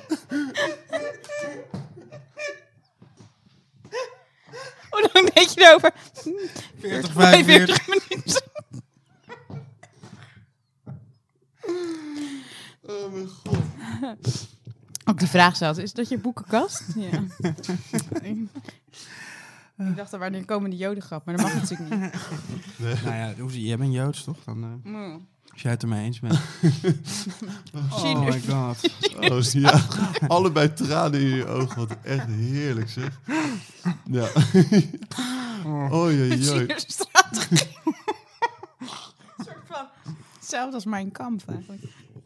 Ja, dat is ook een soort strategie. Ja, Ik heb, hem nog, ik heb die film vorig jaar nog gekeken, die Schindler's, Schindler's List. De Ja, jij- bent- jij bent vorig jaar ja, nog... eh, ik ben in eh, Auschwitz geweest. in Auschwitz en, en geweest. Ja, ik was dus in Krakau en eh, ik kon me die film niet meer... Ik kan zeg maar gewoon een film kijken nu en dan volgend jaar aanzetten en dan aan het eind... Verdomme, Ja, die heb ik al gezien, weet je. Dus Oh ja. ik weet, weet het gewoon niet meer. Maar toen dacht ik dus, ja, ik ga die film... die zet ik nog even aan voordat ik dan door Krakau Ja. ga lopen. Want dan Lekker in het ik zweertje durf, komen. ik, Kom ik ik een durf beetje- daar dus echt niet heen. kom ik dus in die sfeer. Maar wel, voor je, is het heftig? Het is heftig, zeker als Ja. je de volgende dag eh, op die plekken loopt. In de gewoon realiteit. voor die fabriek staat, Ja, weet je. ja. Bizar. Ja, mijn familie is daar echt wel vermoord ook. Auschwitz. Ja, het heeft echt mijn leven veranderd Ja. hoor, daar, eh, daar zijn. Ja. En eh, gewoon, ik zei best wel veel zeg maar op dingen, maar ik ben er daarachter gekomen dat ik eh, echt helemaal niks te klagen heb. Daar zei ik ook. Ja, Ja, nee, Ja. is ook zo. Hoe is, is het iets waar je mee wat veel naar boven kwam de tijdens opgroeien? Het jodendom? Nou ja, gewoon het, het- dat er veel familie eh, is, is verdwenen en, eh, Eh, en het verdriet wat dat met zich meebrengt. Ja, nou, ik denk wel dat het. ehm, ja, er werd wel over gesproken. En je merkt wel dat het een soort van. dat je het wel overneemt of zo. Of dat het, dat het manieren zijn die mijn oma had om ehm, dingen meer. Meer handelbaar te maken of het leven draaglijk te maken. Dat je daar maniertjes voor hebt. En dat geef je denk ik wel door aan je kinderen. En dat geeft mijn moeder weer door aan mij. Dus je voelt wel bepaalde... Het heeft wel gevolgen. Een soort overlevingsstrategie. Ja, Ik En- merk dat wel in... eh, en ja, zeker. En wat zijn, wat zijn wat zijn soort manieren om daarmee om te kunnen gaan? Ehm, ja, het is. Nou, het was heel erg zelfbewustzijn van. Het, bewustzijn dat je Joods bent, werd heel erg bij ons zo van je bent Joods. En we zijn absoluut niet eh, praktiserend Joods. Echt totaal niet zelfs. Mijn moe- opa en oma waren niet gelovig. Maar wel Jood. En het was wel van. ehm, het werd wel heel erg vaak benoemd. Als zijnde, we zijn het meest gehate volk van de wereld. Besef Mm. je dat? En dat vond ik lastig. En dat, het was een soort, eh, ja, gewoon voor jezelf opkomen. En ehm, Hmm. vooral, eh, ja, strijden of zo. Een soort strijdlustigheid voelde ik bij mijn moeder ook altijd. En bij mijn oma een soort, ehm, ja, dat, dat is wat ik vooral voelde. Of, ja, Maar wel, dat is echt een mooi resultaat van, van dat gegeven. ja. Dat je gehaald wordt, dat je dat strijdlustig maakt. En misschien Ja. dat, dat je waardering dus, of begrip bij Ja, eh, andere joden moet zoeken. ja, zeker. Dus Dat, stick together. Dat- ja, dat is gebeurd. Het is ook heel gra- ja, grappig. Ik bedoel, het is wel heel vaak als, als je een Joods, Joden onder elkaar zijn, altijd wel heel erg. Oh, voel je die verbinding? Het is toch een soort verbinding. En ik merk ook, gek genoeg, als ik in Tel Aviv ben, dat ik eh, me heel goed voel. ja. Ik, wil, ik, ik huil op Schiphol dat ik weer terug wil. Maar Ook omdat ik de stad te gek vind. En het land is mega gecompliceerd. En daar ben ik absoluut op tegen wat daar gebeurt. Hmm. Maar ik voel me toch daar op die plek heel fijn in eh, Tel Aviv. En dat is waarschijnlijk iets wat dat verbinden of dat het, ehm, ik denk een gedeelde eh, trauma of gedeelde angst of gedeelde pijn of zo. Een soort collectief eh, trauma misschien. Of Ja. Ja, dat is het zeker. als je Ja. daar bent, dat voel ik wel ergens of zo. En ehm, ja, en ik heb ook, ja, nee, dat is wel wat het is, denk ik.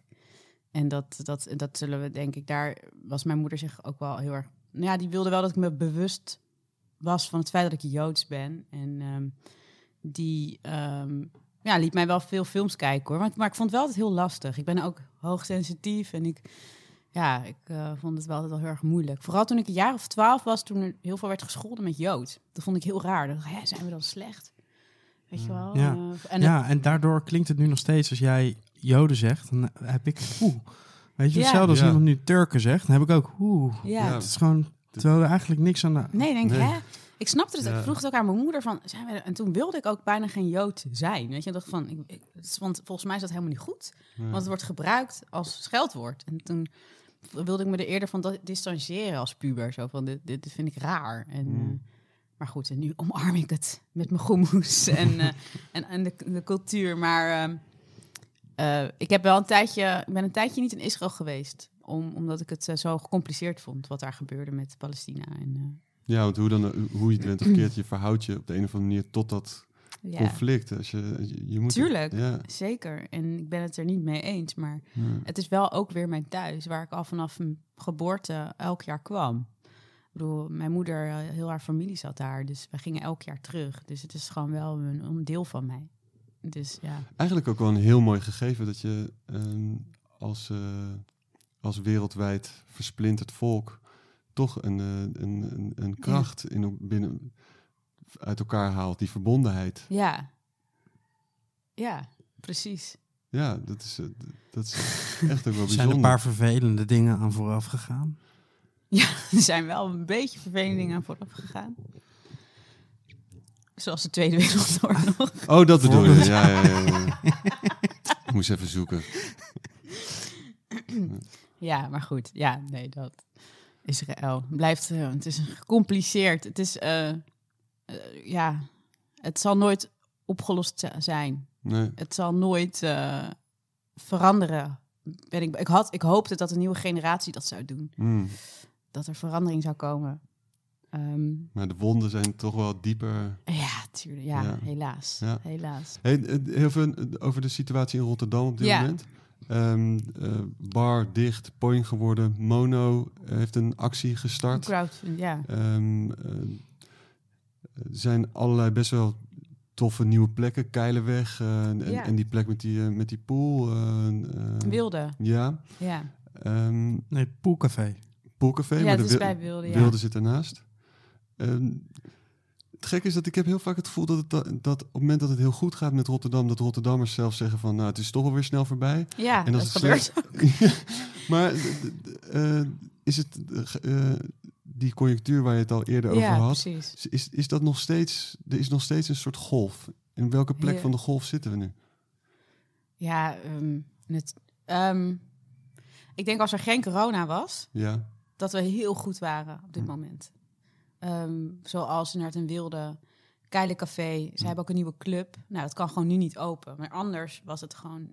Ik bedoel, we zitten nu in, in een fase waar iedereen natuurlijk... Daar ben ik geweest in dat ding van Keilencafé. Dat is zo sick. ja, precies. Bij Ja. Mundo. eh, Met- ja. Het dak kan eh, open automatisch. Het is, het is Ja. zo sick. Allemaal rood plush nog. ja, En een 24 uursvergunning. precies. Nee, dat is echt... Dus ik, ik denk dat we nu in een hele goede tijd zaten. En er zijn super veel toffe nieuwe creatievelingen en, en mensen met die toffe ideeën die nu opkomen. En ehm, ja, ik spreek ze door operator best wel veel, dit soort initiatoren. En ehm, ja, dus ik, ik, het zou een goede tijd zijn geweest als alles open kon. Ehm, en het is, al, het is, ergens vind ik het ook wel leuk dat dit Rotterdam is, dat het komt en gaat. Want daardoor ontstaan er weer nieuwe dingen. Ehm, het wordt, weet je, wij worden een beetje verplicht om creatief te zijn. Weet je, omdat het er gewoon nooit, of dat het er niet is en dan weer vergaat. En dan moet, staat er wel weer iemand anders op die het gaat opzetten. Van nou, we moeten weer wat doen. Dus je wordt bijna zo getriggerd van, eh, om iets nieuws weer te beginnen. Wat ook wel weer zijn charme heeft of zo in Rotterdam, vind ik. En de mensen zijn gewoon te gek. Gewoon niet lullen, maar poetsen. Dat maakt het ook. Van, "Nou, we gaan het wel weer doen. Hmm. Op een of andere manier toch wel. Dus dat, eh, dat maakt Rotterdam gewoon eh, best wel sterk of zo. Is er een project waar je op dit moment mee bezig bent, eh, wat je met ons kan delen? Nou, ik ben gevraagd door Titia om eh, een mixtape te maken voor Duotone. Dat is haar project. Ah, tof. En om daarmee samen te werken met een kunstenaar. En ze doet voornamelijk wel, eh, heeft ze artiesten gevraagd die echt een productie maken. Maar ze gaat nu ook een reeks doen met eh, DJ's die een gewoon een toffe mixtape maken. En dat wel heel erg eigen maken. Dus ik heb dat gedaan en ik heb daar ook wat filmscènes in verwerkt. En nog wat andere geluid, of dingen die ik tof vind. En ehm, ik ga er niet te veel over zeggen. Met welke kunstenaar ga je samenwerken? Met Nicole Martens. En zij Ah, is ook de vet. vormgever van Operator. Ze heeft eh, onze hele identiteit eh, ontworpen eigenlijk. Zij is echt te gek. En als mens heel tof. En, eh, Maakt zij niet ook dat inpakpapier altijd? Ja, Ja, zeker. dat is Dat echt... heb ik hier ook liggen. Waarom heet dat eigenlijk niet uitpakpapier? En, ja, Ja. goede vraag. Ja, misschien omdat het inpakken gewoon veel Of- meer tijd of- kost. Eh, als, je het, en uit- als je het inpakt, is het inpakpapier. En als je het Ja. uitpakt, is het uitpakpapier. Ja, maar wanneer, hoe noem je het als je de rol pakt? Dan is het het inpakpapier, Dan het want dan ga je inpakpapier, natuurlijk Dan ga je inpakken. het doen, dan ga je het doen, ja. Ja. Je gaat het het papier waar je, wat je hebt uitgepakt, ga je niet meer oprollen. Nou, Nou. ja, mensen, ja. Ja, OCD. Hey, hey, dit papier herken ik. Ja. Ah, tof met Nicole. Zij gaat artwork maken. ja, en bij- we gaan, het, we gaan het op tape uitbrengen. En ehm, we hebben nog wat ideeën daarbij om het eh, om, om, om weg te geven of te verkopen. Maar ik ben daarmee, ik ben daar, het is al af. En ehm, ja, het is wel een heel leuk project. Want ik vind het, ik merkte dat ik dat ook wel erg gemist had. Dat ik gewoon even creatief kon zijn. En ehm, In de plaats van faciliteren, zelf weer iets zelf maken. weer iets maken. En daar ook echt wel, eh, niet zomaar gewoon een mixtape, maar echt over nadenken. En Mm. eh, nog wat aan toe kunnen voegen. En ja, dat eh, vond ik wel vet om te doen. Dacht ik, wel, ik mis dit ook wel weer. Gewoon. En wanneer eh, kunnen we dit verwachten? Nou ja, het is natuurlijk een herfst-wintertape. Dus hij moet voor de lente wel echt uitkomen. Dus Mm. eh, gauw, denk ik. We zijn er mee bezig. Dus eh, ja, althans, mijn, mijn taak zit erop. En eh, ik ben vorige week bij Nicole geweest om de schetsen te zien. Dat zag er heel vet uit. Dus. Maar ja, Te gek. ja, Duotoon. die fotoon, ja. We kijken er naar uit. Ja, Ofra, dankjewel. dank jullie wel.